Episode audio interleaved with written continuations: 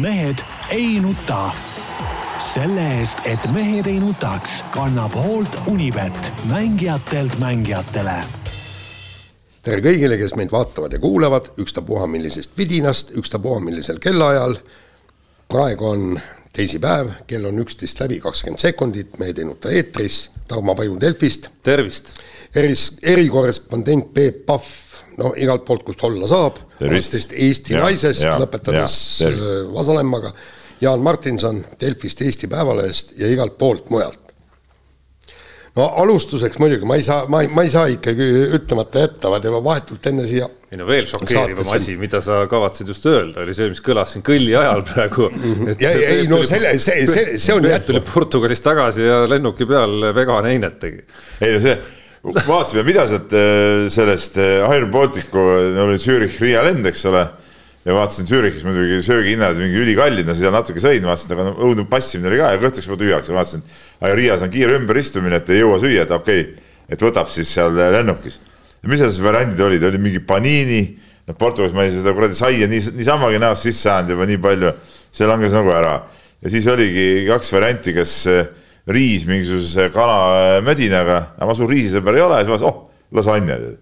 noh, okei okay võtsin lasanja. kus Sul..., kus, oota, ma segan korra vahele, et e-, esimene detail, mis mul kõrva jäi siin muidugi oli see, et ta nagu jahutoodetest oli küllastunud, siis võttis lasanja. pasta, pasta. ei no okei okay,, no see on, pole ikka nagu, sa sööd nagu saia, vaata see nagu, ta ütleb nagu ära. sest et seal Portugalis ütleme nendes äh, maapiirkondade puhvetites, no seal midagi eriti muud eh, saada ei ole, eks ole. noh, ja siis toodi see karp, noh, kõik soe, mõtlesin soe toit ka ja tipp-topp, toodi, siis õhtul peal vaatan mingi vegan lasanja.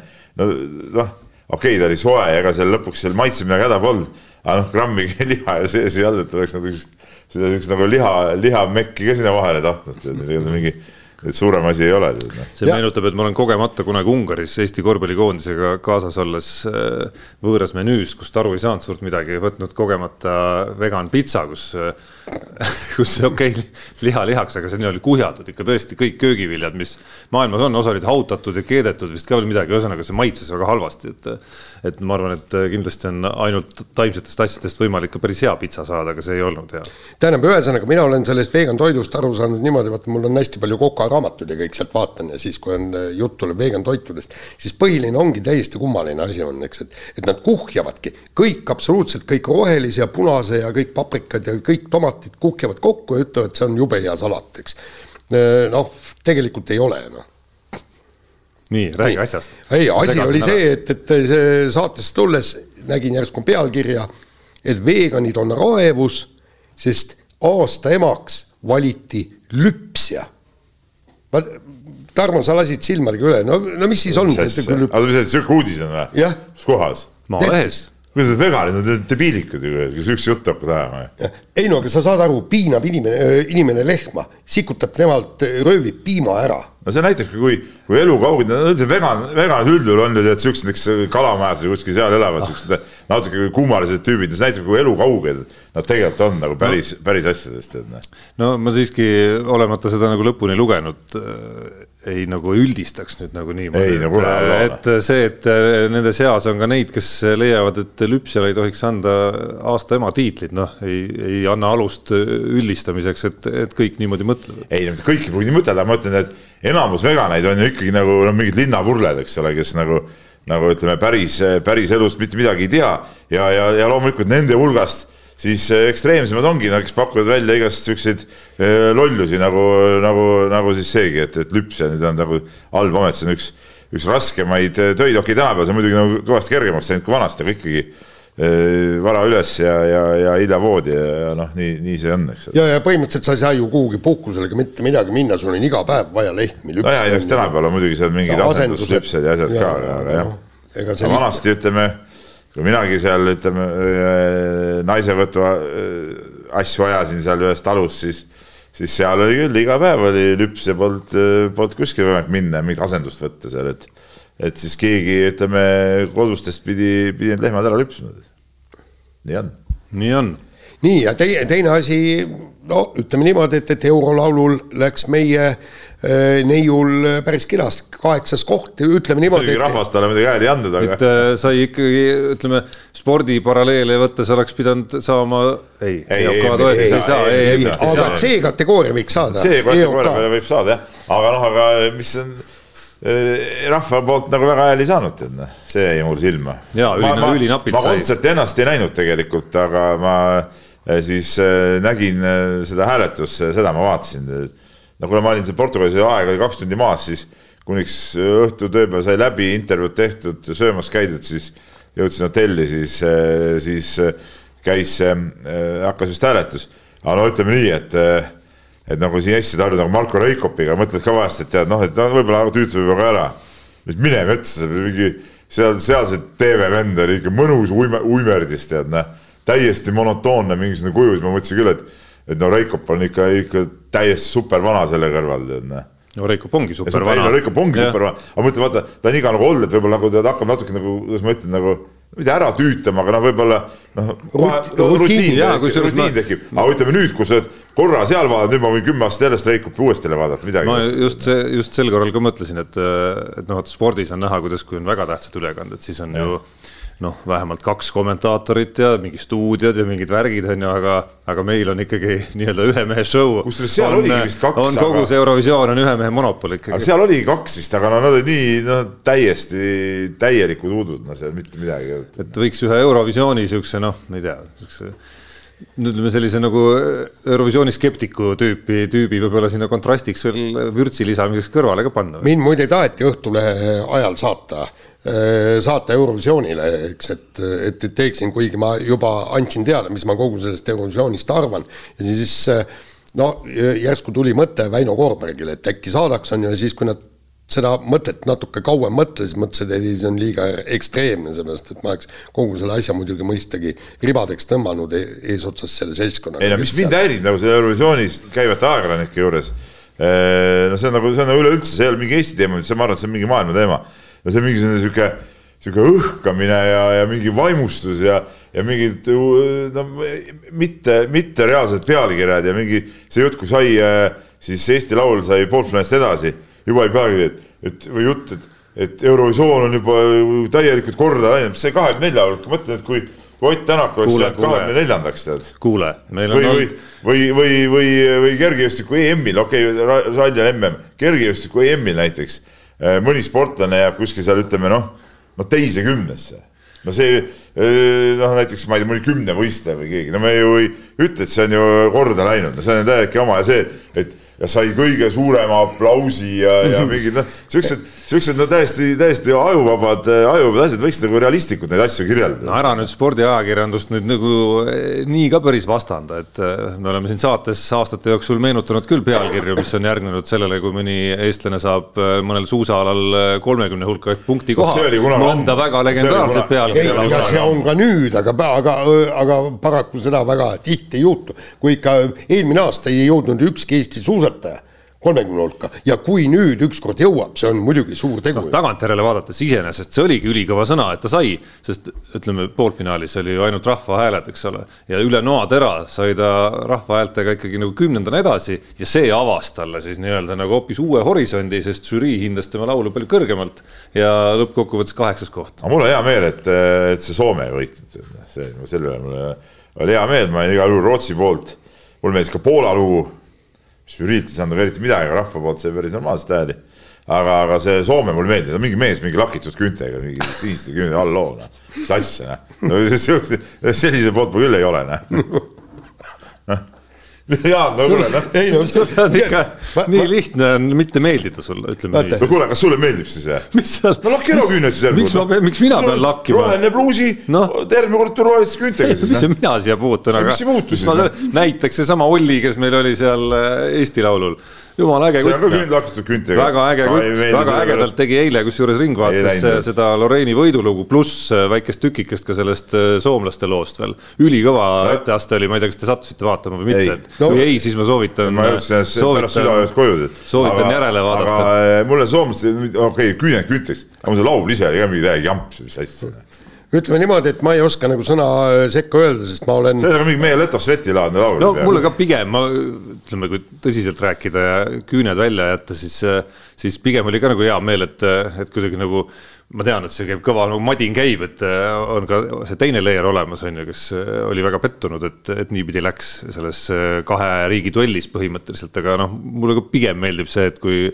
võidab laul ja võidab laulu hääl ja noh, kõik need kombod nagu kokku. mitte, nagu, mitte ei võida, mitte võida veidrikud ja ei võida mingi poliitiline jura, nagu siin viimastel aastatel päris palju on olnud aga ma noh, tähendab õnneks, õnneks ma distantseerin kõigest sellest, sest ma olen kuulnud poolt Eesti laulu ja mitte ühtegi teist. ja no ma selles mõttes ka nüüd nagu spetsialistiks ei kvalifitseeru, aga olen Mina kuulanud ära Eurovisioonist ära Eesti loo, Soome ja Rootsi loo, need kolm lugu on, mida ma olen kuulnud. sa finaali vaadanudki? ei, ma nagu väga vaikselt oli telekas, ütleme niimoodi ja lõpuni ei vaadanud, järel, järelvaatamises vaatasin selle punkti asja ära. punkti värk tuleb ikka ära vaadata. ei no selle vaatasin hommikul ära täpselt, kuidas see siis äh, käis, aga mis ma tahtsin öelda, tegelikult, kes oli kõige kõvem vana hoopis sellel õhtul, oli Ragnar Klavan ma arvan, et ta oli raudselt äh, okei okay,, sinimustvalged prillid, aga ta oli ikkagi üks kõvemaid punktiandjaid, esiteks. natuke kange olek. esiteks ma arvan sulle, mis väga sobis, on see, et ta ei hakanud seal veiderdama kuidagimoodi mingisugust nagu. mingisugust äh, performance'it, mingit performance'it ehitama. natuke kange olekuga oli. no ei, no sportlane peabki, peabki kange ja, olema ja teine oli see, kui osavalt, minu, kas ta oli esi, ainus, kes äh, ka Ukraina teema nagu mängu tõi, et aasta tagasi oli nagu noh, selge, et Ukraina tuleb ja võidab selle Eurovisiooni, sõda oli alles värskelt alanud, on ju noh, nüüd kuidagi üle aasta natuke möödas ja noh, okei okay,, need motiivid jooksid läbi sealt, on ju, see üritus oleks pidanud Ukrainat, Ukrainas toimumagi, aga, aga kuidagi jäi nagu natukene nagu no üks saatejuht, õhtujuht oli ukrainlanna vist. jaa, oli jah, aga no kuidagi nagu see, ma ei tea, minu arust äh, ei jäänud nagu nii hästi kumama, et nendes vahepalades või nendes häälte, hääleandjatest oli ta minu arust ainus, kes selle nagu väga osavalt kusjuures mängu tõi, ühendades omavahel Liverpooli selle nii-öelda slogani uh, You will never walk alone ja siis Ukraina toetamise, mis oli nagu no väga osavalt kokku sätitud. ma ei tea, kas ta tegi seda ise, aga, aga tulemus oli hea nii, aga, aga lähme nüüd spordi juurde, lähme Portugali ja Peep, kes Portugali rallil noh, nii ja naa, no lõpuks nagu Ott Tänak ütles, et noh, et mingid punktid sai ja täitsa okei okay, punktid, no teine asi, eks, et tõusis MM-arvestuses teiseks ja kõik ta-ta-ta, eks, et aga, aga no ikka neid küsimusi jäi ja ega no ma aru sain, et, et Peep ikka Äh, mitte, mitte ainult sina, vaid ega maailm ei saanud kõikidele küsimustele vastust. Ja vaata, meil on mõned kirjad ka, et kes tahavad ikka teada, et noh, tegelikult Portugali ralli hakkas suurepäraselt, eks Ott Tänak äh, läks liidriks, esimesed katsed väga hästi. sellele küsimusele ta andis ju selge vastuse ju tegelikult ju, et, et teised, teiste läbimised on need, mis, mis ei, ei, kus ei saa kiirust üles, ütleme võrreldes teistega, et, et et kui teeolud lähevad äh, raskemaks, no teie seal läbimisel teatud mingid äh, roopad ja, ja, ja ütleme seal laupäeval näiteks sõitsid need äh, kaheveolised seal äh, vahepeal läbi seal ajasid sõiduvälja täitsa nässu ja, ja Tänak oli teise autona ju, ju rajal, eks ole. et, et sellistes rasketes oludes äh, see auto, auto vedrustus ja see seade ei, ei toimi ja, ja, ja nad ei ole suutnud leida seda, tähendab tähendab, noh, Ott nagu ütles mulle, ma nagu rääkisin temaga natuke eetriväliselt seal ka ikkagi ja ja, ja ta nagu seletas seda, et noh, et tal, noh, tal võib olla nagu nägemus, kuidas see asi peab nagu toimima. aga noh, tema ju ei, ei ole nagu insener ja tema ei, ei tea täpselt, kuidas seda nagu noh, niimoodi paika panna, selle peavad insenerid nagu välja mõtlema, aga seda, seda õiget äh, varianti ei ole veel leitud ja nüüd Sardiinia ralli eel siis ongi, et et Eesti jaoks proovitakse, noh, pannakse paika mingid äh, variandid ja siis proovitakse, mis neist kõige paremini toimib lihtsalt. ja aga kas küsimus ei ole puhtalt selles äh, nii-öelda amortides, amortide firmas, sest ma mäletan, tuli kohe meelde Peugeot, kui Marko Märtin sõitis Peugeot'ga äh, esimest aastat ja siis ta tükk aega nõudis, et, et see nii-öelda amordifirmat vahetatakse ja, ja siis ta isegi no amorte võid vahetada nii palju, kui süda lustib, see ei ole nagu keelatud tegevus. jaa, aga seal on ju tead, teatud lepingud, sponsorlepingud. ja, muidugi, ja, ja, seda muidugi jah ja, ja.. et, et, et lõpuks ei tea, aga samas muidugi hea, et, et selle viimase katse ikkagi Ott suutis jällegi, jällegi kenasti punktikatse. see on huvitav lugu jälle, see turbo, mitte turbo, vaid see hübriid ei töötanud jälle, vahetult enne seda katset sai selle tööle, eks ole, et noh, noh, hea seegi, eks ole, et, et, et tuli ikka pauku auto seest ka nagu. Noh. ja aga, aga nüüd noh, kõike muud vaadata, siis noh, ütleme niimoodi, et kui äh, Kalle Rovanpera saab selle Toyota jooksma, siis, siis ma näen tõesti, et, et siin on ainult üks, üks võimalik vastane talle ikkagi. no Rompera nüüd sõitis ikkagi no nii nagu, nii nagu me nägime eelmine aasta seda sõitmas parematel päevadel, see oli ikka täitsa, täitsa julm ülekaal tead, mis, mis seekord oli, et et, et, et seda oli nagu vinge vaadata, jah, kes talle vastu võib saada, noh. Ei no okei okay,, Sardiinias on Ožee ka jälle platsis. no okei okay,, Ožee ka jah, jah, jah ja. ja.. et, et võib, võib igal juhul vastu saada ja noh, ja, ja Sardiinias on tegelikult Neuvill ka väga hästi sõitnud, seal on ka Sordo väga hästi sõitnud. et noh, Hyundai, Hyundai oli ju, ju päris hea, ütleme Portugalis ka tegelikult oma eh, olemuselt, eks ole, ja, ja, ja nad võivad ka see, noh, see viitab, et, et Sardiinias võivad ka väga head olla. Noh. no jaa, aga, aga, aga, aga mis seal äh, Neville'il oli ikkagi, lõpuks ta oli ju ikkagi, hakati teda nagu öö, vaikselt sinna ettepoole, Esa-Pekka Lappi tõmbas hoo maha ühel kiiruskatsel selleks, et Neville temast mööda saaks ja. ja, ja varakult tegelikult. ja liiga vara. ja, ja kusjuures sellega ju võeti öö, Lappil ära võimalus võidelda nii-öelda lõpuks teise koha nimel jaa, aga ütleme, Sordo oli tegelikult ikkagi väga hea ka. Sordo oli hea. Sordo, eks selle pluss oli ka see, et tal oli väga hea stardipositsioon. sai sealt väga hästi tulla ja, ja seekord ta tõesti, ma Ralli Eevi kirjutasin ka, et Sordo ei ole nagu viimasel ajal enam nagu sihukest noh, oma paremate peade kiirust näidanud, aga, seekord ta oli, oli tõesti väga hea ja ja see muidugi nüüd Sardiinial paneb sihukest põnevust kõvasti juurde, et üks sihuke vend, kuna tal on ikka jätkuvalt väga hea stardipositsioon, siis üks vend, kes võib suurde mängu sekkuda ja, ja, ja võita on, on, on igal juhul nagu juures, et, et, et see on nagu äge. aga kes. ja no ja olgem ausad, Sardiinia üks siukseid rallisid, kus ees startida on väga-väga halb esimesel päeval. see hästi kivised teed ja, ja sihuke, sihuke ebamugav ja nüüd ütleme eh, noh, Rompera esimesena, Tänak teisena, et, et nad ei ole üldse, üldse mugavas positsioonis. Mis juhtus Evansiga, kas keegi on näinud seda avariid? ükstapuha, millised, kas pardakaamerast või mina avariid näinud ei ole. ja see, ja see on kummaline, miks ei näidata seda avariid? ja ma avariid näinud ei ole jah, ja aga kes see otsustab üldse seda?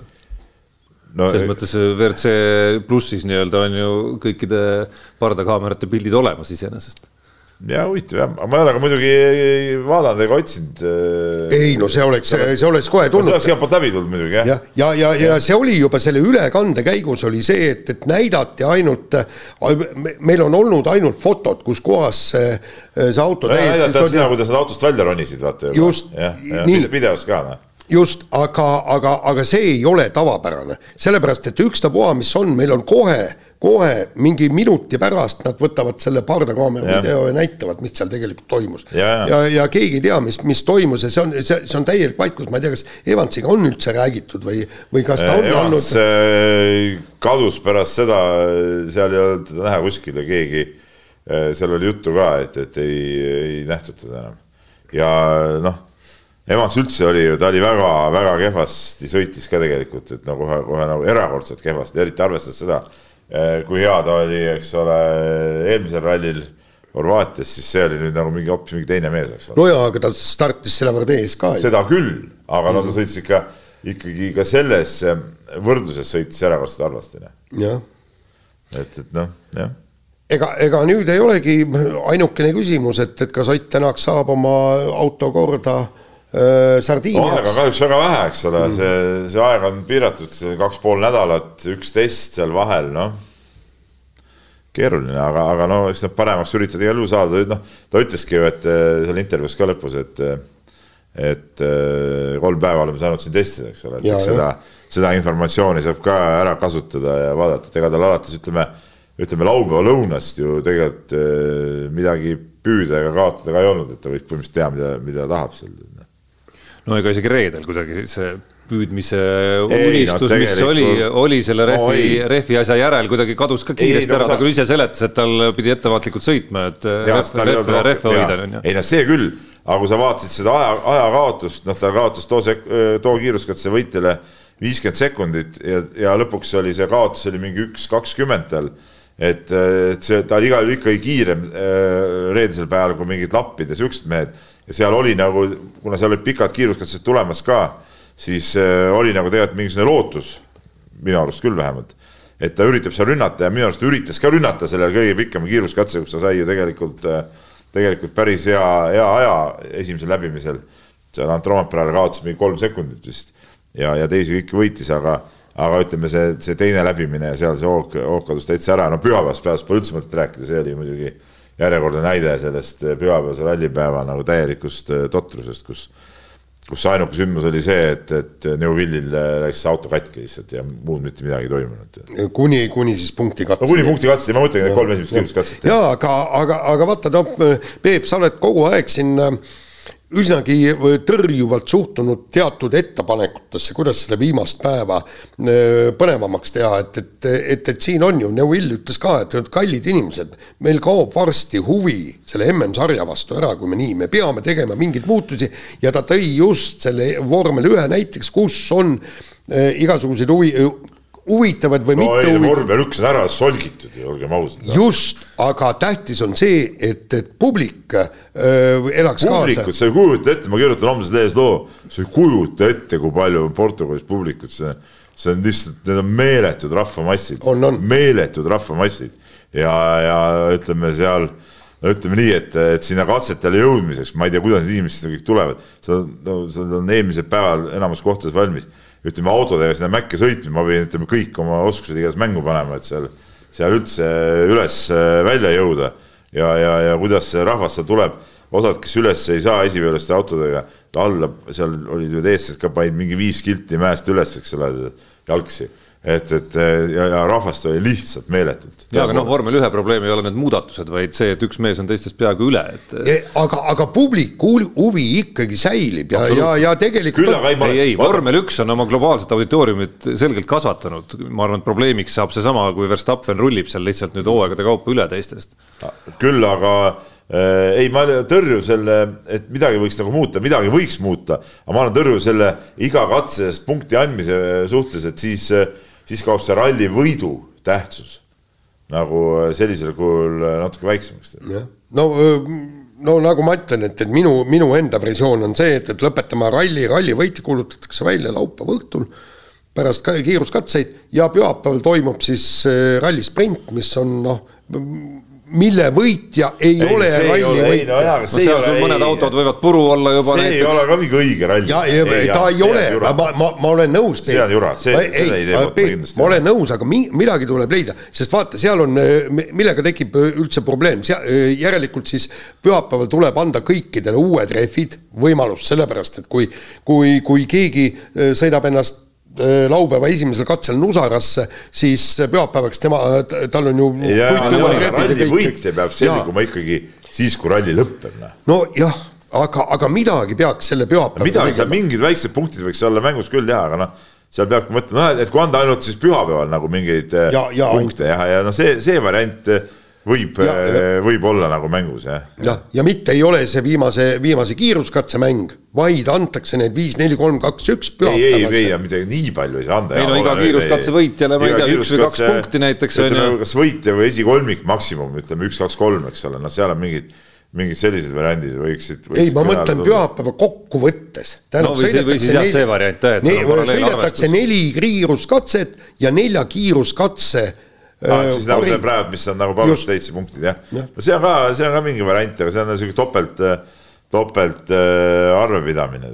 no jaa, aga esimesed kolm katset, see on ikka no jah. aga me, meil oli ka see seal pulli, tead, pühapäeval siis, ma ei, võib-olla panid tähele, et ühtki fotot ega midagi ei tulnud. et äh, ma ei tea, kas te kuulsite, mis juhtus, ma seal kellelegi ütlesin.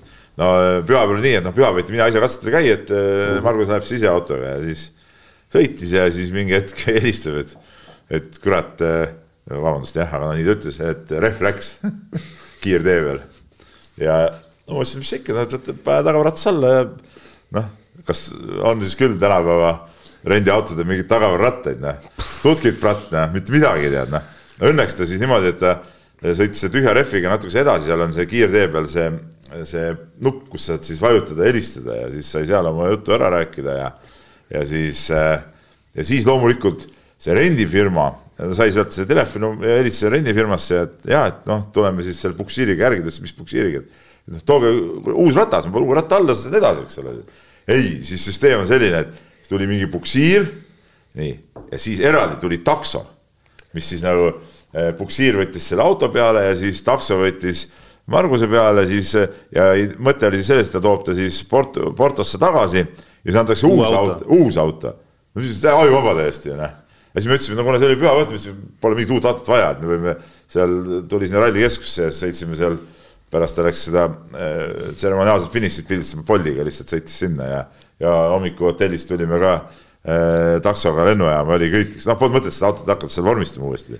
aga, aga no mis, mis need autorendifirmad ka tegutsesid mingi ajuvabaduse alusel täiesti, noh. aga kas seal seda. lihtsamaks saab tuua see, no see, see takso sinna sõita, võta siis Portost, no või see takso tuli võta sealt see mingi auto, pane see tagaratas peale ja mine sinna, vaheta ära, no, no kolm minutit ja sõida edasi, tead noh.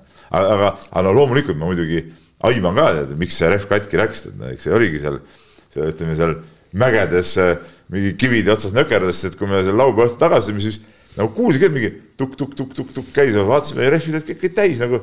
ma korra mõtlesin, et kuskil on mingi muna võib-olla üleval tead, aga mida nagu ei näinud ka, tead, madalad autod ka ei näe ka eriti tead ja. noh, ja siis nii oligi, täitsa rivadeks, kuuskümmend kilti Portost noh mm.. ja siis, ja siis muidugi kõik võttis nii kaua aega, et, et eh, kaks pool tundi ootas seda taksot, see ammu see puksiir jõudis juba kuskilt kohale. Ja see puksiirivend siis nii kaua ootas ka seal, et, et kaks pool tundi läks siis, kuigi sealt sõitis noh, mööda kiirteed sõitis võib-olla sinna kuuskümmend kilti, no mingi nelikümmend minutit võib-olla. mina ei tea, mis see taksojuht siis tegi ja kahe poole tunni pärast sellest tuli järgi. siis oli, siis Otiga see viimane intervjuu oli, noh, kuna Margus oli ju tehnikas jah, me arvasime, et ta jõuab sealt tagasi ilusti tead siis, ehm, siis kiidusõnad eh, Ene Rumbile, kes siis aitas mind hädast välja ja, ja äh, alguses mõtlesin, et noh, et teen lihtsalt äh, hääl intervjuu ja siis monteerime mingid fotod peale, aga ta ütles, et ei, et, davai, et ta mobiiliga filmib ja, ja proovime ilma mikrofonita teha ja siis ta filmis, ma siis kõrvalt äh, rääkisin ja küsisin ja noh, pärast kuulasin üle, et ei olnudki väga hull see hääl tegelikult, et, et, et sai nagu, sai nagu tehtud küll nii, aga teised eestlased hästi kiirelt. ja teised eestlased ka, no seal ütleme, see oli ikka täielik fopaa oli muidugi see, see ralli selles suhtes, et, et ralli eel olid suured, no suured ootused, ma ei tea, või lootused. Virves, Linnamäe, ütleme nende, nende suhtes, et, et suudavad ikkagi selles tihedas WRC kaks konkurentsis noh, püsida ja sõita, aga noh, Virvesel kohe esimesel katsel rehv.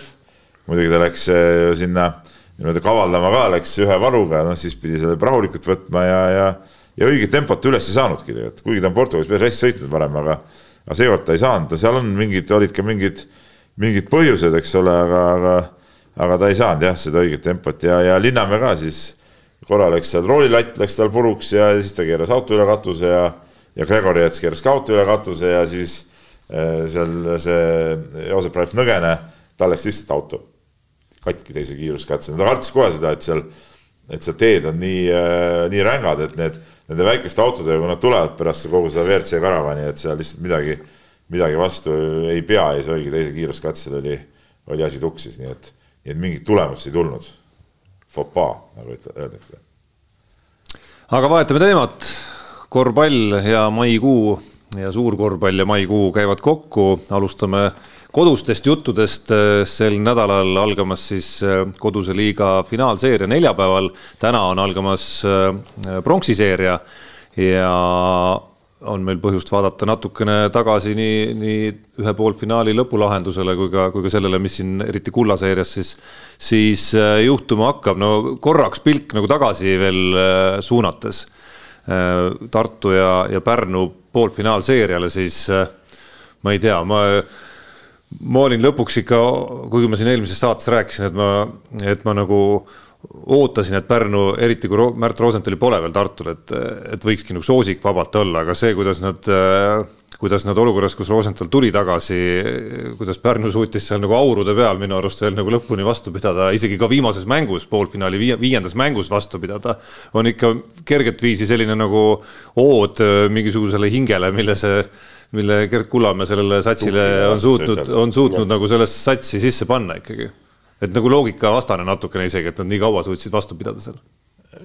nojah, ma uskusin ka, et Tartu on soosik, aga ma nii, nii suureks seda vahet võib-olla ka ei, ei, ei pea, eks ole, et, et, et ega seal noh, kui vaatame, pingid olid ju kokkuvõttes lühikesed äh, mõlemal, et ega lõpuks mängisid ikkagi seal seitsme-kaheksa mehega selle seeria ära, noh, laias laastus, eks ole, Kullamäe isegi rohkem proovis seal tuua mingeid üksikuid eh, mehi sisse, küll see Kaspar Lootus, küll, eh, küll eh, Jaakson, eks ole, proovib mingeid, mingeid käike seal leida. aga, aga, aga tervikuna jah, ütleme noh, see, et Tartu lõpuks ikkagi selle viie mängulise seeria ära võitis, oli ikkagi loogilisem lahendus. Noh. aga ei, mõlemale selles suhtes viis pluss muidugi mängud olid, nii palju kui ma nägin neid, noh, seal mingit äh, ilumängu ju, ju ei olnud, aga, aga ei peagi olema ja minu arust see ongi nagu sihuke õige play-off'i korvpall, mis ongi sihuke raske ja, ja, ja keeruline ja ei tule ja ei tule ja ja seda on tegelikult nagu äge vaadata.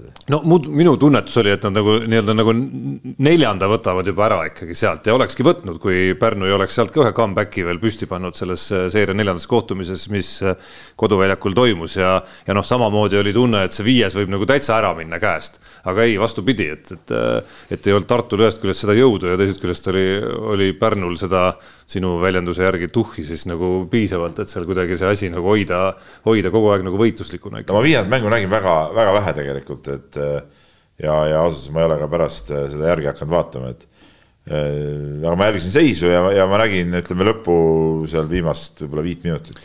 aga tuleme finaali juurde. Kalev Cramo versus Tartu Ülikool Max ja Moritz kuidagi väga kindlalt kiputakse siin nendes analüüsides, mida ma kuulanud olen või lugenud olen, ikkagi nagu ütlema, et Tartul ei ole mingit variantigi.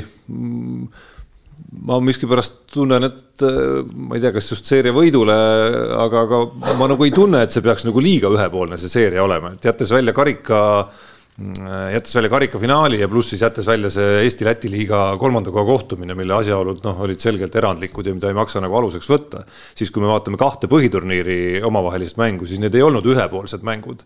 et öelda, et Kalev Cramo peaks nüüd äh, marssima sealt nagu väga kindlate võitudega nagu mängeldes sellest finaalseeriast läbi.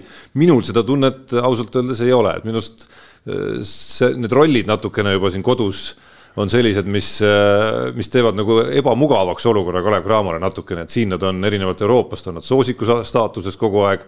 Neil on äh, noh, nagu klubina ikkagi mingisugust sihukest ekstra pinget praegu peal pärast seda, kui eelmine hooaeg läks aia taha, pärast seda, kui see eurosaari äh, on, läks nagu just nagu kokkuvõttes hästi, aga siis see lõpp ja Eesti-Läti liiga see nädal, äh, seal läks nagu untsu, on ju, et see nagu pinge ja kohustus, et nüüd on meil vaja ikkagi nagu ka klubi jätkusuutliku edasise arengu osas ikkagi nagu igal juhul see meistritiitel kätte saada. et siin on mingid asjad, et kui Tartu suudaks alguses näiteks äh, kuidagi nagu esimese mängu näiteks kätte saada, et siis, siis tekitaks, ma arvan, päris huvitavaid nii-öelda nagu huvitavat pinget tekitaks, tekitaks areng kindlasti siia seeriasse, mis paneks natukene omamoodi ja teistmoodi natukene proovile Kalev Cramot, isegi kui neid äh, eurosarjas proovile pandi.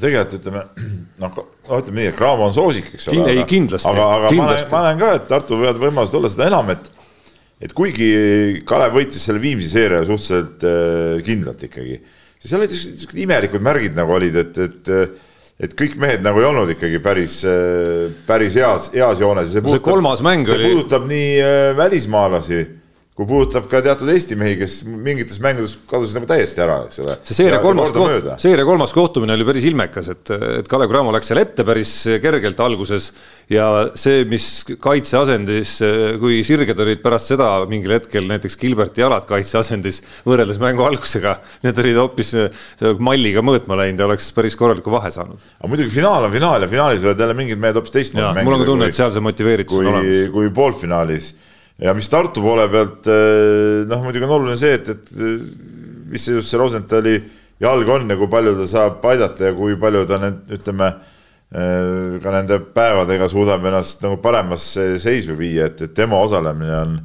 on igal juhul nagu võtmetähtsusega, et, et kui, kui tema ei suuda nagu eriti aidata, siis, siis ei ole Tartul minu arust mingeid eh, variante, aga kui Rosenthal on platsis ja mulle tundub vähemalt, et, et ta, et ta tahab igal platsis olla, siis siis see annab nagu Tartule küll nagu päris, päris kõvasti jõudu ja, ja ütleme, tema sihuke, kuidas ma ütlen, sihuke vaimne eeskuju ka, et, et, et ta seal on, see juba peaks andma paljudele meestele sihukest, sihukest uut vunki ja no huvitav vaadata muidugi, kuidas nad seal, kuidas Kalev siis selle korvi, Tartu korvialusega hakkama saab, et, et Pavelka vastu neil on muidugi eh, hea, hea tsenter olemas Kalevil, aga ka mis mis tervislikus seisundis ta on ja, ja, ja, ja kuidas, kuidas ta suudab nagu mängida, et eks siin nagu küsimusi on, aga aga ma arvan, et ka sihuke nagu Tartu ühe mängu saab kindlasti kätte, selles, selles mõttes kindel.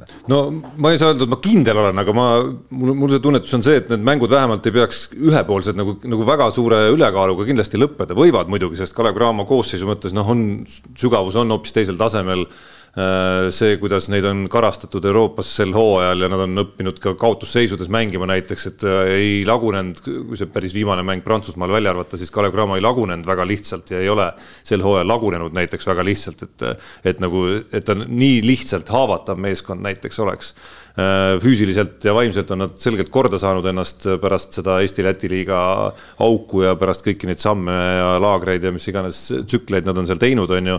on kenasti ennast nagu rütmi ka mänginud ja, ja mulle tundub, et noh, selgelt see motivatsioon on ka ikka nagu tohutult laes praegu, et ma, ma ei tahaks uskuda eriti sellist, et seal kuskil nagu tahtmise taha midagi jääb, et.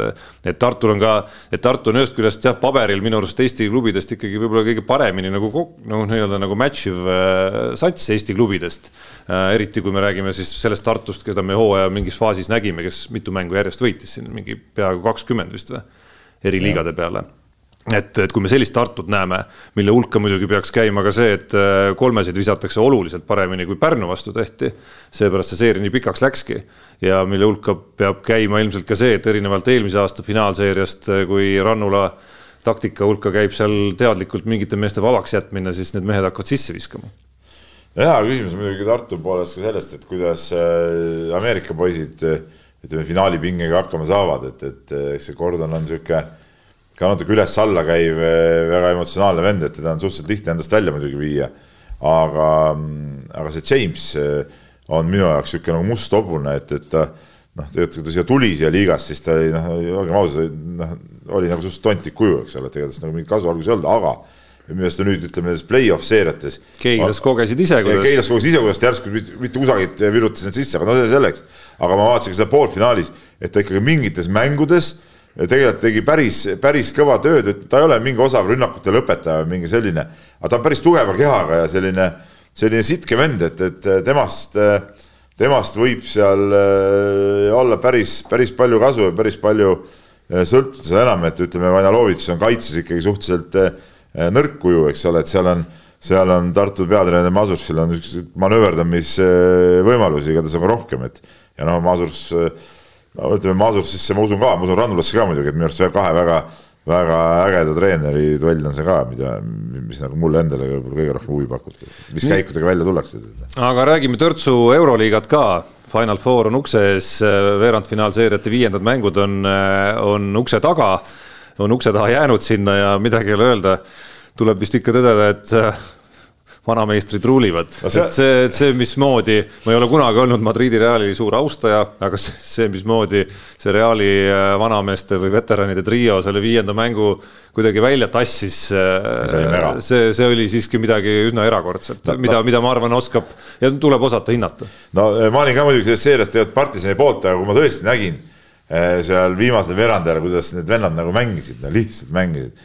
ja siis ma nagu tegelikult noh, ma, mul ei olnud ka midagi selle vastu, nad võitsid, et no see oli tõesti nagu kihvt ja, ja kui sa vaatad nende meeste vanuseid, siis okei okay,, siis Fernandes ei pidanud ühtegi punkti viskama, aga ta ikkagi oli. ei no kui sa oma oli, välja vänatud või paigast nihestatud õlaga lähed ja sukeldud iga lahtise palli iga järele. palli peale, mis tähtsad lauapallid ta seda maha võttis, kuidas ta oli seal ja, ja noh no lull oma mingi lae alt kolmesega seal üks, mis seal, ta pani, üks kolm viset pani järjest sisse onju. Ja no siis Rodriguez, ei, ei, see oli, see oli, see oli äge, et see, no selle vastu ei saanud nagu midagi nagu kokkuvõttes nagu olla, et see on nagu mingi selline asi, noh, mis, mida sa tajud nendel hetkedel ja, ja olgem ausad, Rudi Fernandesel on palju vihkajaid äh, aastate jooksul kogunenud, eks.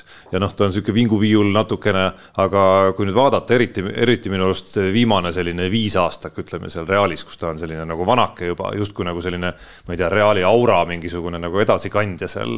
tema ei lulla nagu vennad nagu. jah, üks nendest on ju ja, ja ja kui sa teinekord kuuled neid jutte, et räägitakse jah, mingisugusest aurast ja siin Reali särgi au ja mingid asjad on ju, siis vot need ongi need hetked, kus sa tegelikult saad aru, mis asi see nagu tegelikult on, et sa tuled võib-olla mingi uue mehena sinna klubisse ja siis on sellised tüübid nagu Fernandes ja Lull on ju, kes, kes noh panevad su, kui sa, kui sa, kui sa selle aurasse ei kohane ja ei hüppa viiendasse ritta iga palli järele, noh, siis panevad su põhimõtteliselt kohe paika ja kui te, korra veel juhtub, siis noh, sinu karjäär seal klubis jääb nagu lühikeseks, on ju. et see on see kultuur, mida need mehed nagu kannavad endas nii koondises, äh, kui nad seal on, kui ka klubis.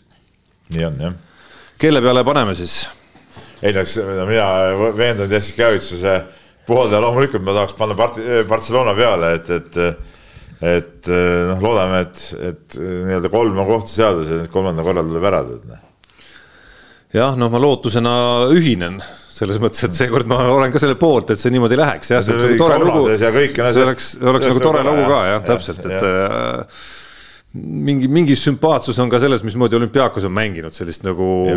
sellist, sellist ägedat masinlikku nagu kuidagi peensusteni lihvitud meeskondlikku korvpalli, et, et selles on ka mingi võlu muidugi olnud. mis mulle meeldib, mulle see Monaco sats ei meeldi muidugi üldse. see ei üllata muidugi. no see Mike Jamesi sugused mängijad, no ei ole minu maitse, midagi, midagi ei ole parata. no jääme ootama, millal ikkagi ühel hetkel ma arvan, aja küsimus, millal. Kas, kas sa, ei no Mike James vast ei tule, aga ütleme, ma arvan, et Mike Jamesilikku mängijat vajaks äh, ilmselt isegi Keila korvpallimeeskond.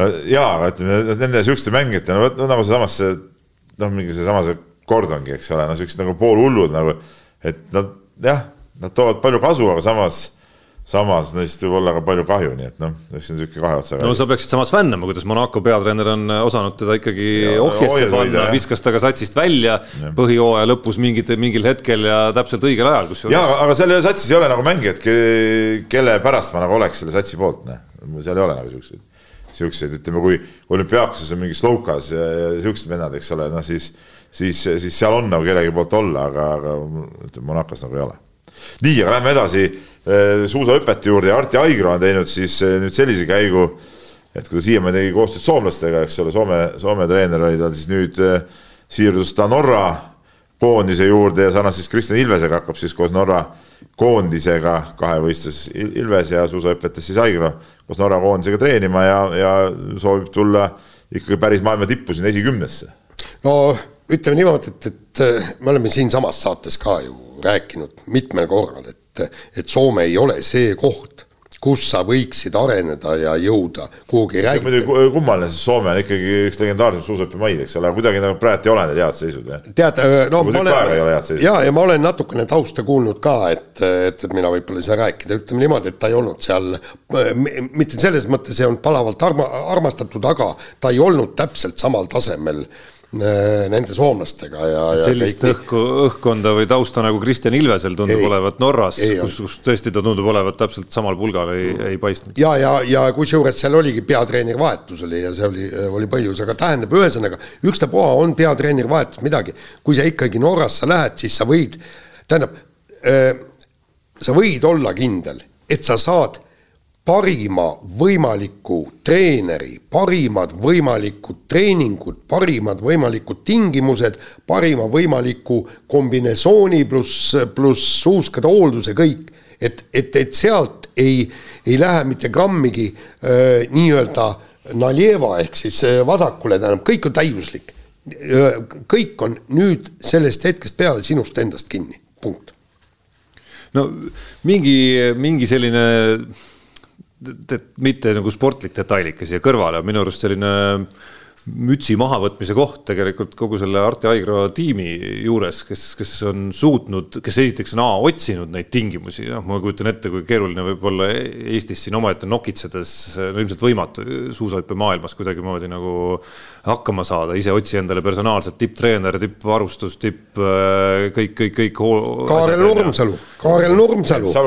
noh, ei olnud no. ka ju nagu jätkusuutlikult pikalt ikkagi seda ei. karjääri ta nagu ei, ei teinud siiski. jaa, aga see karjäär sai äh,, sai nii-öelda läks katki muudel põhjustel, eks. aga tal oli oma personaalne treener ja ma mõtlen, et kui Maltsev ja Aigro nemad kahekesi moodustaksid tiimi, neil oleks kahe peale korralik treener, taustajõudu ja ka, miks, miks ei võiks, sellepärast et ega norralased ei noh, tähendab, sa võid ju minna sinna rahulikult Soome kuskile mäe juurde elama ja kõik ja, ja või, või ükstapuha kuhu ja sul on oma treener kõik, et ma arvan, et see ei oleks kõige valem variant võimalik jah, aga noh, mingeid variante tuleb ilmselgelt nagu otsida ja, ja, ja ilmselgelt on väga hästi suudetud seda, seda nagu teha ka.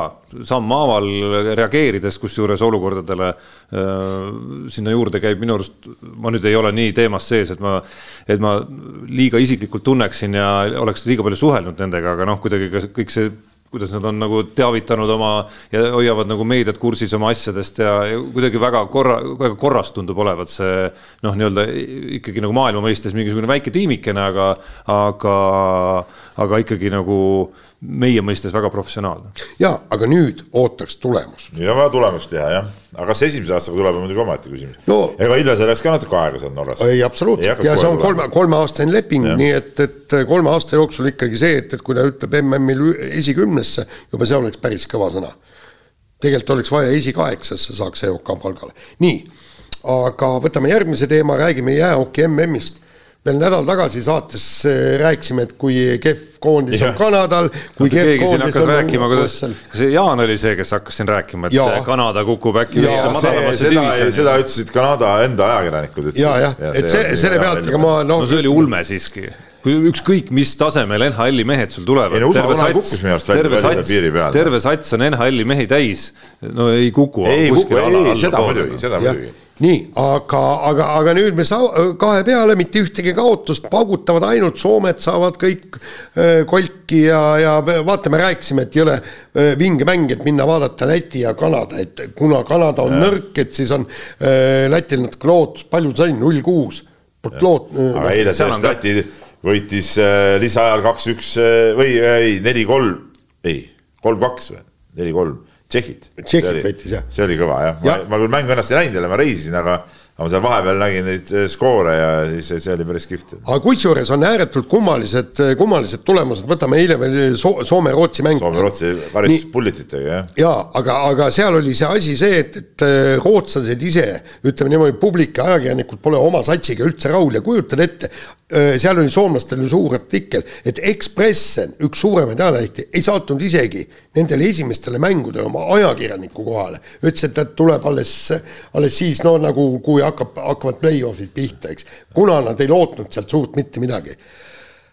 aga, aga, aga teine täiesti kurioosum on, palju on Soomes MM-e mängitud, kas see oli üheksa, ma pakun välja, kas see oli nüüd üheksas või, või nii? mitte kunagi ei, enne seda oli peetud kaheksa mängu Soome-Rootsi vahel Eh, Soomes toimunud MM-il ja mitte kunagi ei olnud Soome, Soome võitnud Rootsit. seal oli kas kaks-kolm viiki ja ülejäänud korrad oli kõik tappa saadud, enamasti nagu mingi ühe värava, kõik nii. ja soomlased lootsid, et no nüüd, no nüüd me võidame kodus. tuhkagi. tuhkagi jah. tuhkagi. ei no Kokk MM alles kerib ennast üles ja ma ikkagi ka plaanin veel võib-olla mingi Riia treti teha mingi päev, et minna vaatama midagi. ja ütleme niimoodi, et, et lõppkokkuvõttes kõik see, mis alagruppides toimub, see on kõik põnev ja tore, aga see on kukesupp. laseme kõlli. Lähme kiire vahemängu juurde ja öö, meie eakas profirattur, kui nii võib öelda, kolmekümne kuue aastane Rein Toramäe pidi Giro d'Italialt maha ronima, sellepärast et jäi koroonasse, kuigi noh, tema jaoks ei olnud see koroonasse jäämine, ta oli, ise oli hästi tige, ütles, et noh, et, et ma e-, esialgu mõtlesin, et pekki see koroona, aga ütles, enesetunne läks ikka nii kehvaks, et ja ja kui söök tuleb välja sama kiirelt, kui sisse läheb, et, et siis ei olnud mitte midagi teha. ja ma eile rääkisin temaga telefoni teel, mehel oli ikka parasjagu maist maas ja ta tunnistas, et sellises vanuses niisuguseid tagasilööke kogeda et, et selleks läheb aega, et üle saada. et ühesõnaga, ta tahab veel hästi sõita, ta tahab järgmiseks aastaks lepingut. ta, ta on suurte tuuride sõitja, ehk siis sealt ta saab kõrgeid kohti, etappi võita. Läks suurte lootustega peale, tal oli väga hea hooaeg, ise nagu nihverdas veel sinna Girole ja nüüd niisugune lätakas pärast esimest nädalavahetust või pärast esimest nädalat kusjuures kõige magusam osa on ju veel tema jaoks ees. Kas, kas äh, mingid reeglid on nagu üldse kadunud või?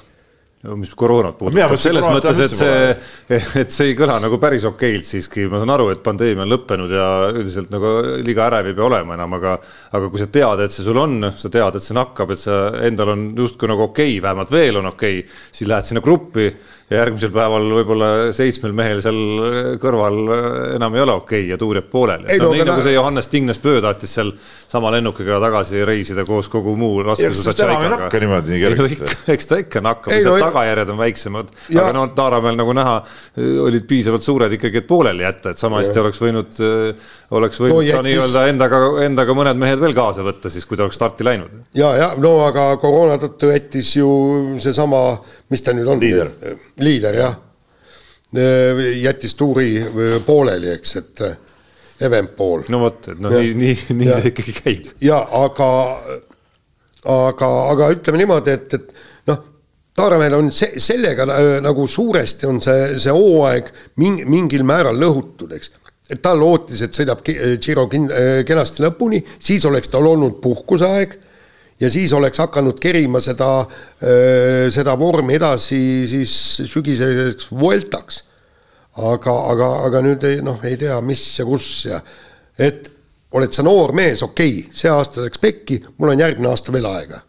Või ülejärgmine. no Vueltani õnneks on siiski nagu aega, et kui, kui Ei, sa talle no mingit Vuelta- põntsu ei pane, siis tiim paneb ta võib-olla kuskile mujale sõitma, eks ole, siit tulemust tuld on, tiim peab midagi tagasi tagasi. ühesõnaga jah, ja, ja, ja see ja see, et, et sul on võib-olla üks, kaks, kolm, neli suurtuuri veel sel karjääril sõita ja kui üks nendest neljast läheb nässu, see on tõesti kurb, aga noh, c'est la vie ja noh, ega me ei tea, tulles alguse juurde tagasi, et noh, võib-olla ta saigi selle mõnelt kaasvõistlejalt, kes äh, oli ka koroonas ja sõitis tema kõrval seal grupis mm. terve päeva. no eks ta nii sai, ja kes otsustas starti minna, nii, aga vahetame teemat. Mihhail Kõlvart, Tallinna linnapea ja Eesti, mis ta nüüd on, Taekwondo Föderatsioon või liit või äh, igatahes juhtiv organisatsioon, selle juht äh, on saanud noomituse rahvusvaheliselt alaliidult siis selle eest, et, äh, et ta keelas kolmeteistkümnel lapsel osalemise Tallinn Open nimelisel taekwondo võistlusel ja loo taust on siis selles,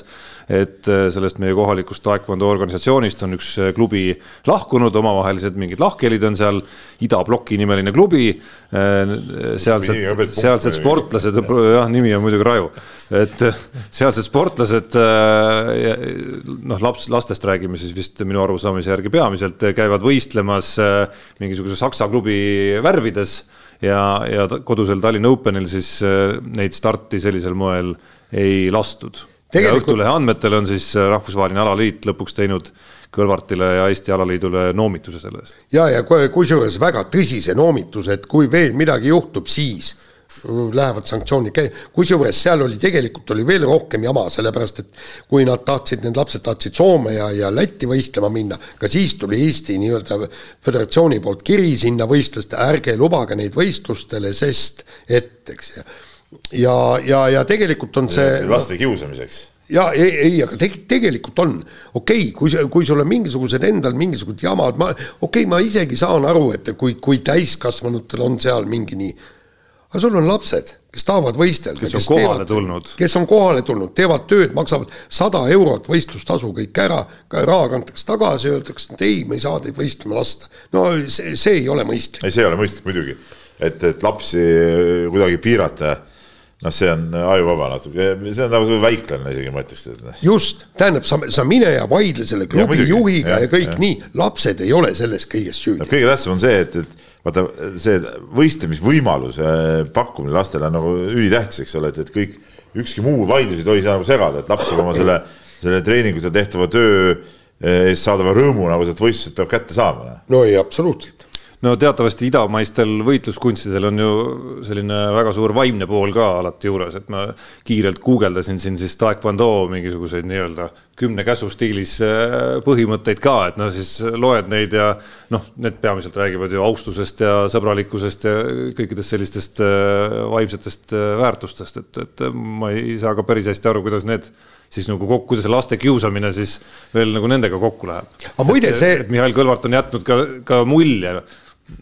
noh, selles mõttes sümpaatse mulje, et ta nagu nii-öelda nagu jälgib ja järgib seda osa Ja sihuke ja oma mees elus ja väga rahulik jah. ja tasakaalukas ja väga sümpaatne, intervjueeritav tegelikult ja kõik see pool on ju, et, et, et see lugu ei lähe nagu üldse kokku selle. ma arvan, et see ei olnud väga hästi läbimõeldud seal lihtsalt ja, ja see sihuke halb, ma loodan, et, et Kõlvart lihtsalt tegeb omad järeldused siit ja õpib. jaa, aga tead, see siin tegelikult selle Eesti taekwondo puhul on, on minu jaoks natuke kummaline ja, ja, ja kusjuures ei Kõlvart ega siis see alaliit ei, ei ole suutnud lõpuks, noh, Õhtulehtu käis, küsis ja uuris, välja selgitada, tähendab, kunagi oli kaks e-, erinevat taekwondo liitu. et see rahvusvaheline, kus nii-öelda olümpiataekwondo, see on Lõuna-Korea taekwondo ja teine on Põhja-Korea ehk siis see kommunistliku Korea taekwondo, kusjuures noh, kas nendel annab üldse mingit vahet teha? meie sest nagu nii aru ei, absoluutselt nii. nüüd on mõlemad selle ühe Eesti alaliidu all, aga mis minu jaoks on täiesti kummaline, on see, et Eesti taekwondokad enamasti käivad ja võitlevad seal nii-öelda Põhja Korea taekwondo võistlustel ja kui igaüks võib sinna toovad sealt kottidega medaleid, lööge Sport kakskümmend neli ja otsige välja, eks, need taekwondo Eesti medalid, seal no tõesti medaleid ei ole palju, aga kui sa vaatad, kui stardis on kuus sportlast ja, ja sa oled nii-öelda esimeses ringis vaba, ehk siis pääsed otse poolfinaali, no loosiga, pronks on käes, kõik, ja sa kaotad järgmised kaks matši või järgmise matši ja kõik. siis sa ei saa äh ei, ja, ja, ja, ja, ja ongi, et vaadake, et, et, et miks me, miks me võitleme nii, nii-öelda nii, noh, mina ütleks neid kassikulla medalite pärast, miks me ei võitle olümpiakohtade ja olümpiamedalite pärast, see on minu küsimus. seda küll, jah. nii, ja lähme edasi ja Eesti Autospordi president Toivo Asper on andnud siin intervjuu ja jutuks on olnud ka Jüri Vips ja, ja märgib siis Asper ära, et Vips ei ole kuhugi kadunud ja võiks peagi Eh, USA-s siis IndyCar sarjas teha enda jaoks pika ja eduka karjääri ja ja ausalt öeldes seda ootaks nagu pikisilmi, et nüüd Vips saaks kuskil mingisuguse võimaluse, sest et see eelmise aasta totrus, noh, see on ületanud juba igasugused piirid, see, sellest tekkinud nagu paus minu arust no ütleme niimoodi, et, et ma tahaks kõigepealt näha seda, et ma tahaks kuulda mingit uudist, et me, mis seal toimub, millised on tema võimalused, eks me oleme proovinud. Asmer kindlasti teab, mida ta räägib. No, ei, no Asmer, ja, ja Asmeri jutust kõlas läbi, et ikkagi kuskil on nagu piimaga seinal ja. on nagu midagi alla kirjutatud no, või kirjutamisel.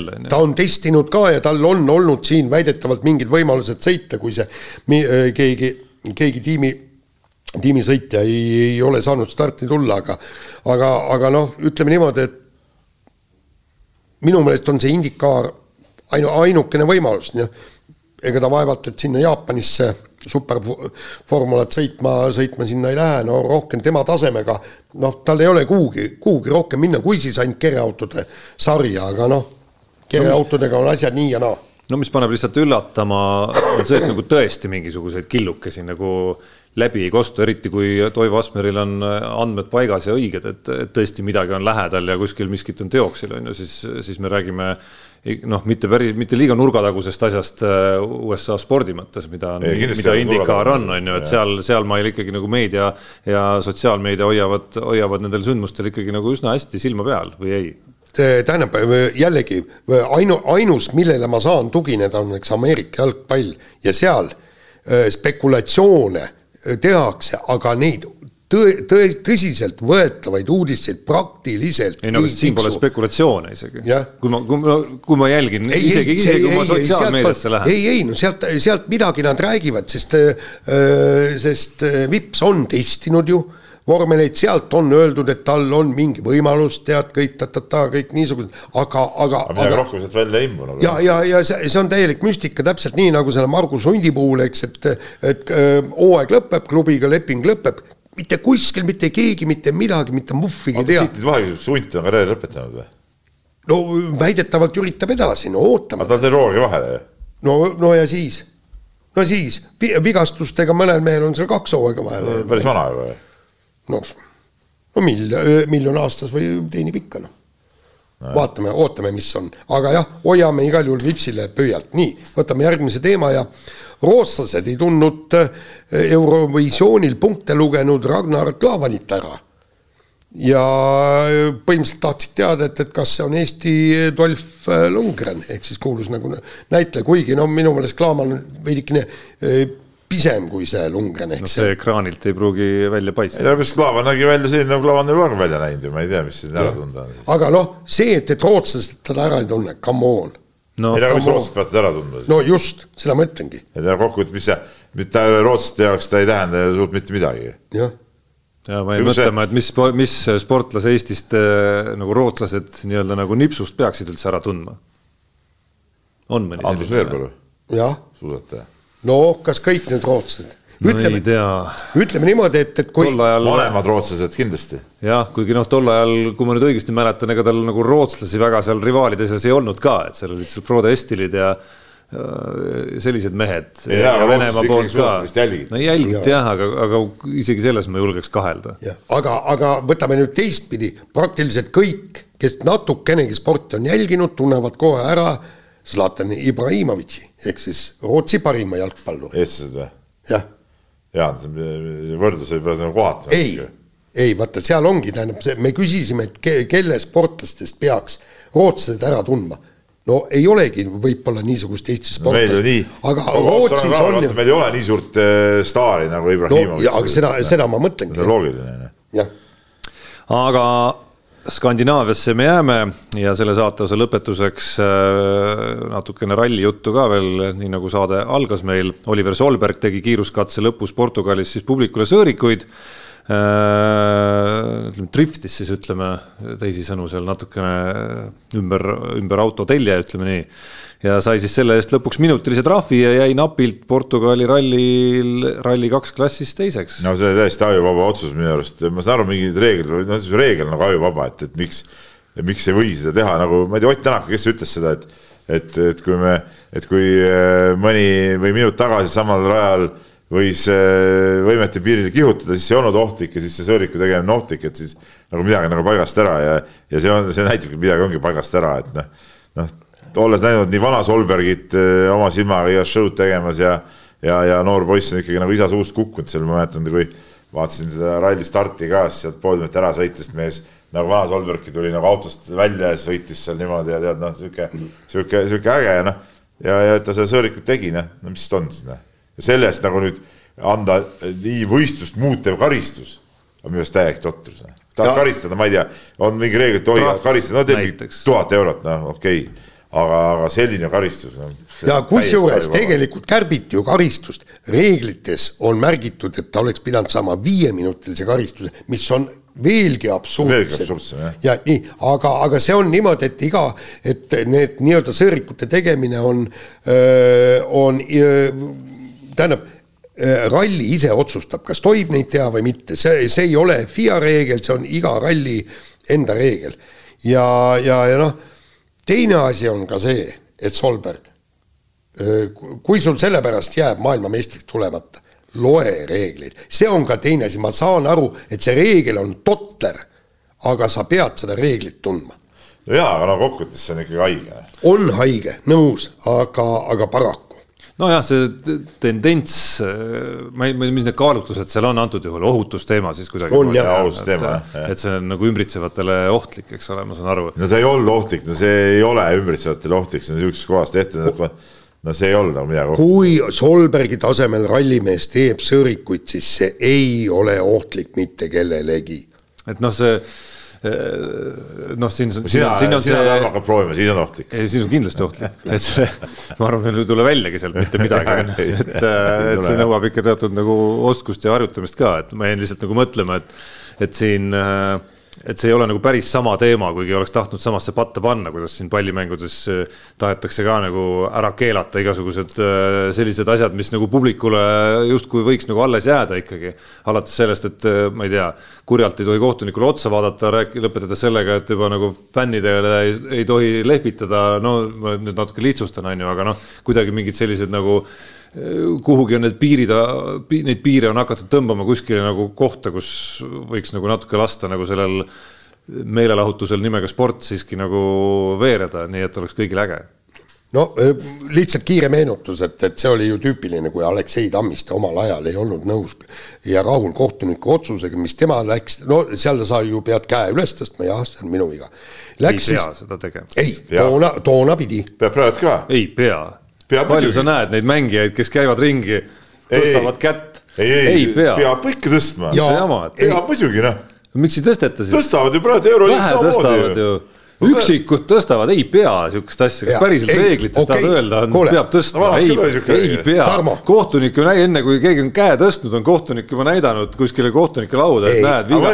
Mängija tõstavad number tõstavad muidugi jah. Ja., see on nagu mingi žest lihtsalt. ei, omal ajal sa pidid Ei, see oli kohustuslik omal ajal muidugi., nii, ja siis oli niimoodi, Tammistel vi- vilistati viga, ta läks kohtunike juurde, ta oli üsna lähedal niimoodi, et nina vastu nina, vaatas kurjalt otsa ja siis lõi rinna ette ja tõstis käe üles niimoodi, kõmm. ja siis noh ko, kohtunike ehmatusega öö, taganes ja no öö, Tammistel see kuri pilk oli tõesti kuri pilk on ju, eks. Ei no okei, ja lähed nina aga selle eest ei antud mingit tehnilist. ei no mis, mis nina läbi minna siis, kas on kuskil, kas on kuskil kirjas, kui lähedal ma võin kohtunikul olla või? ei no okei Ah? okay., me saame mõistusega enam-vähem Ei. aru, kus Ei, jookseb nagu mõistusega? mingi piir, et Ei, et nagu kui, kui ma Ei, kuskilt siit üle laua nagu korra vaatan kurja näoga otsa, no siis selge, et ei ole ähvardav. no ma võin tulla ju nina vastu nina, kui nii millimeeter vahet, et noh. no ütleme siis ma oleksin valmis juba nagu äh, nii-öelda debatti pidama näiteks, et siin juba mingi ähvardus võis nagu olla ja, ja nõrgema närviga mees tunneb ka hirmu võib-olla onju, aga kuskilt distantsilt. aga no vot, sellest saadki tehnilise, aga, aga distantsilt on nagu raske, raske nagu seda debatti ma ette ei võtaks. Neil alla oma vile siis kurat. no vot, nii, laseme kõlli Unibetis saab tasuta vaadata aastas enam kui viiekümne tuhande mängu otseülekannet. seda isegi mobiilis ja tahvelarvutis. Unibet, mängijatelt mängijatele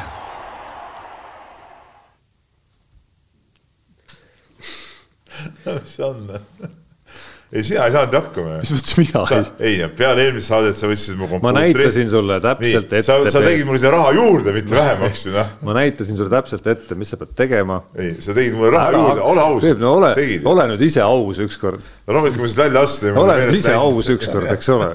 aga, aga, aga see on, aga see on, tegid raha juurde. mis see nüüd, mis see on nüüd, pool aastat saab täis. mees läks, ja seda mees läks, hakkas minu kontoga mängima seda, mis, mis sa mängisid? Blackjack. Blackjacki jah. ja võitis kogu aeg. tegi mingeid absurdseid panuseid raha tuli kogu aeg, no ma ei tea, äkki, äkki sa ei peaks tööl käima, äkki sa peakski sellega tegelema, noh. ja noh, siis ei tule kindlasti raha, et et kui tahta hakata raha saama, siis vastupidi, raha läheb. aga kui kogu, kui tahad kaotada, siis võib-olla, võib-olla see ei õnnestu, no Peep on lootusetu küll aga küll aga siis ütleme, see on ikkagi hea koht, ütleme, sealt saab teenida, sellest ma veendusin siis nädal tagasi. sa oledki tegelenud, ma saan aru, Peep ei taha tunnistada tegelikult, et ta tegelikult nägi ära, mis, kus tema tulevik nagu üldse tegelikult nagu päriselt on. Ja siis on tegelenud, ütleme muud moodi enda, enda kindlustamisega.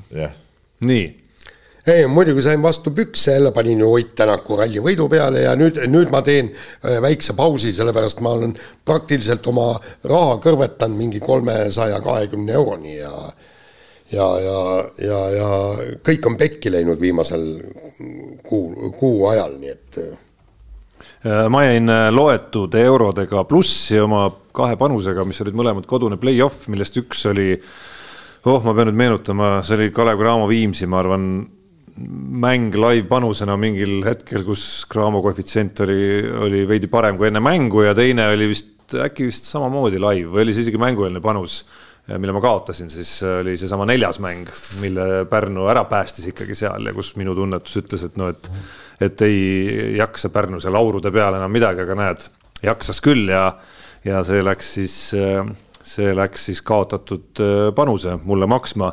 uue nädala eripanust, meedianuta eripanust, seda veel äh, ootame neljapäevast finaali ja esimest korvpallifinaali ja, ja, ja siis saab olema sel teemal. Nii ja läheme kirjade juurde ja siin kirjutab meile siis selline mees nagu, nagu Lauri ja, ja palub meid meenutada legendaarset kihtvedu jalgsi Rakveres käiku et milli- ja küsib, et millises kihtvedus olete veel sõlminud, mida hiljem olete kahetsenud. ja kas on mõned kihtvedud tehtud ka sportlaste ja ajakirjanike vahel?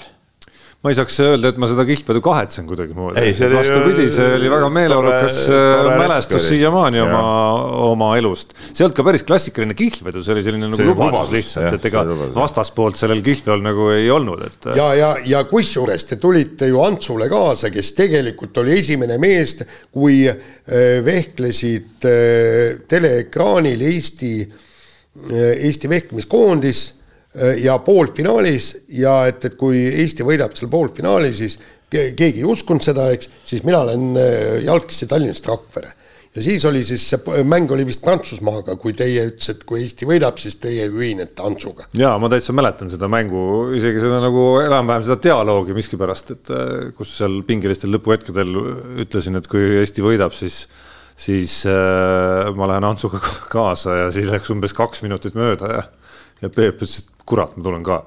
ja noh, sinna me siis mässisime. sinna mässime, me käisime seda ju ikkagi. kolm katset. kolm katset oli jah, et esimene oli, esimene päev oli nagu liiast. jalad olid äh, nii rahkus, et ei saanud äh, kõndida. siis teinekord me jõudsime mingisuguse jõeni, millest me ei saanud üle. ei no see oli olnud. vihmane ka, see oli vihma kallas kogu aeg. mingi, jah, mingi purga oli jah, aga siis oli mingi sild oli katki jah, seal Valge jõgi vist oli, kui ma õigesti mäletan. ja, ja Mott, olgem ausad, Mott oli ka maas siiski sellest vihmast. jah, jah, ja kolmas kord siis meil olid selle jõe ületamiseks äh, kõik äh, kilekotid kaasas, kuhu oma varustus sisse pakkida ja siis me tegime selle, selle ära, aga ega see ka mingi lihtne, lihtne käik ei olnud kokkuvõttes, noh ütleme niimoodi, et, et mina olin ju kogu aeg Seal, teil nii-öelda var- äh,. tõid ka meile õlut õhtul. õlut õhtul ja kõik, mulle meenub see viimasel, viimane kord, kui te sinna kuskil kellegi, kas põllu peal või seal oli mingi küün või mingi niisugune. mingi taluaias no,. talu ta,, taluaias, eks ta, talu oli tühi, inimesed seal ei elanud ja siis kõik ja siis mingi tuleb mingi džiibiga mingisugune vend, niisugune väike nokamits peast. no tuleb ja siis küsisite, et, et kas kas siin tohib ööbi, ööbida, vend vaatas teid üle ja ütles, et okei okay,, ööbige.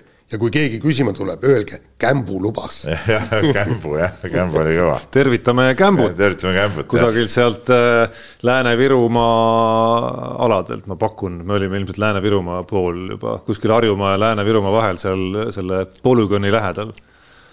ja mina mäletan, mul oli kunagi, kui ma käisin võrkpallurite kaasas, siis mul oli, ma ei mäleta, ma suru, eh, surusin kätt kellegi, kas see oli nüüd Raimo Pajusaluga surusin kätt või, või ja, ja Aavo Keelega oli meil nagu kihvlad, kas ma surun selle ära äkki või. ja, ja, ja kuidagi mul õnnestus, kui Pajusalu väga sitke vend, mul õnnestus ära suruda. minu arust see oli sedapidi, vist Pajusaluga surusin, mitte keelega, jah, niimoodi kuidagi oli ja siis kunagi ma olen, olen äh, nii-öelda võidu peale Aavo Keelega kuulijänni teinud ja, ja või oli see ka Pajusaluga, nii et keelega vedasime jälle kihla Ke. ja, ja igatahes, igatahes selle ma kaotasin ah,.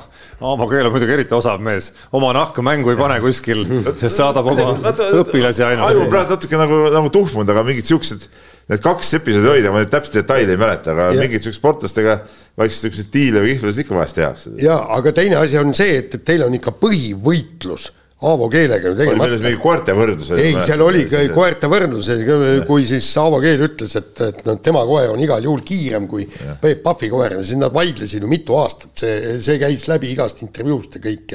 ka meie saadetest käis ja noh, tehke oma koerte no,. Ma, vist... ma, ma arvan, neid koeri pole enam äh, kummagi, ma, ma kardan, minul kindlasti. ei no Aavo Keel ütleb kindlasti, et tema iga koer on, on kiirem, kiirem jah aga, aga meil olid omal ajal olid ju legendaarsed ikkagi need toimetuse sisesed kihlveod. Ja, ja meil oli ju eriti veel seal Õhtulehes, sa ei saanud mitte kunagi sisuliselt välja visata mingisugust noh, nagu näidet, näiteks, näiteks praeguse ütleme korvpallifinaal ja seal, kui ma ütleksin, et pagan, ma arvan, et see, see läheb viienda mängu peale, see Eesti korvpallifinaal kohe, kohe leidus mõni vend, et davai, veame kihla. aga mis sa niisama mölised?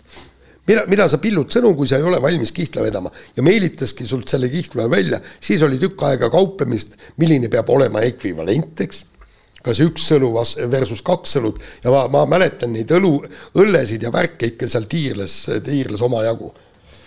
jah, igast asju on tehtud. nii, aga siin üks kiri, kiri veel mis siis küsib autoralli kohta siin, Villem Soomest äh, küsib ja, ja küsib siis, no on siin päris mitu küsimust, osad asjad, jutud me rääkisime juba siin ralli, ralli teemas äh, lahti ka, aga, aga tal on sihuke, sihuke küsimus või mõte, et mis saab siis, kui lappi tõuseb Willist kõrgemale või mööda punktitabelis, et mismoodi siis Hyundai tiim hakkab seda, seda asja nagu sättima, et see on nagu päris päris põnev küsimus minu arust. ei, absoluutselt, intrigeeriv. ja intrigeeriv ja, ja tegelikult arvestades sellega, et noh, Lappi tegelikult on ju viimasel rallit sõit päris hästi ja, ja kui Neuvill siin kortsutab, äh, vastu puud ja siis kord äh, on auto nässus, kord veel niimoodi ja ongi, ongi seis juba teistpidi. aga kas Hyundai saab minna ja Neuvillile öelda, et vabanda, sina meie ikoon, kes sa oled esimesest päevast peale meie meeskonnas olnud, et vabanda nüüd, aga nüüd mingi suvaline Soome jorss on sinust kiirem ja palun anna talle teed. kas keegi hakkab Ožeele ütlema näiteks, et eriti veel, kui on rallivõit, Ožee läheb rallit võitma ei, seda see kindlasti keegi. ei no kas, kas ei olnud üks-kaks, ei olnud Rovanperaga selle aasta Monte Carlos? Ožee esimene. noh, ja minna nüüd Ožeele ütlema, kuule, sina ei võitle MM-tiitli pärast, ole hea mees, astu nüüd samm tagasi ja las see Rovanpera võtab selle võidu. ei hakka Ožeele ütlema ja samamoodi ma arvan, Hyundai ei hakka ütlema. no Vill ei kunagi midagi, hästi, no Vill on tema mees kas sellest üldse vähe vara ei ole nagu rääkida? ei no. no antud kunagi... juhul Lappi ja Neville'i võrdluses vähemalt. ei no küsimus on huvitav noh. küsimus huvitav. kuskil hooaja viimasel rallil, kui Neville on viiekümne punktiga, oletame, maas Lappist ja Lappi võitleb tiitli pärast, oletame, noh, ma arvan, et ma, ma ei välistaks. aga siin on tulemas ju rallid, kus Lappi on ju selgelt Neville'i vastu soosik.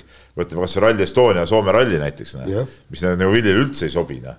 ja, ja, ja sealt ütleme, ütleme pärast Soome rallit võib see seis olla küll päris päris huvitav tegelikult noh, nende oma, omavahelises võrdluses ka. aga siin Villemil on teine küsimus veel ja tegelikult ta, teda huvitab ka WRC sarja, sarja tulevik, et, et, et mis siis on see tulevikuvisioon, et, et ei saa ju niimoodi jätkuda, et kolm esimest sõidavad võidu, neljas tuleb finišisse katkise hübriidiga ja viiendal pole turbat ja, ja, ja nii edasi ja nii edasi, eks ole, noh, nii nagu tegelikult oli, autosid oli vähe, WRC autosid, paljud olid probleemid ja nagu, nagu ütleme, need WRC kahed ju tulid jõuliselt sinna kokkuvõttes esikümnesse, aga noh, neil on seegi see, et nad ju tegelikult eh, vastu WRC autodel ei saa, et, et, et ta uurib siis, eh, ootab siis nagu intervjuud eh, WRC juhtidega sel teemal, et mis, mis saama hakkab, aga no ma võin ütelda ära, et see intervjuu oleks niisugune poliitkorrektne mõttetus, sest et enne kui, kui WRC tahab midagi ütelda, enne nad nagunii mitte midagi mitte üheski intervjuus ei ütle, et see on nagu, see on nagu aamen kirikus.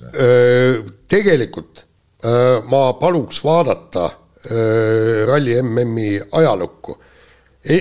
esiteks äh, kõigepealt aastaid, kui triumfeeris Lööb ja kui triumfeeris Ogier, no siis oli ju noh see, siis lihtsalt üks vend, vaata, seal oli vist, mis ta võitis, kolme rallit lööb ei võitnud kogu MM-sarja yeah., siis oli juba ammu teada, kes tuleb maailmameistriks, igasugune huvi puudus.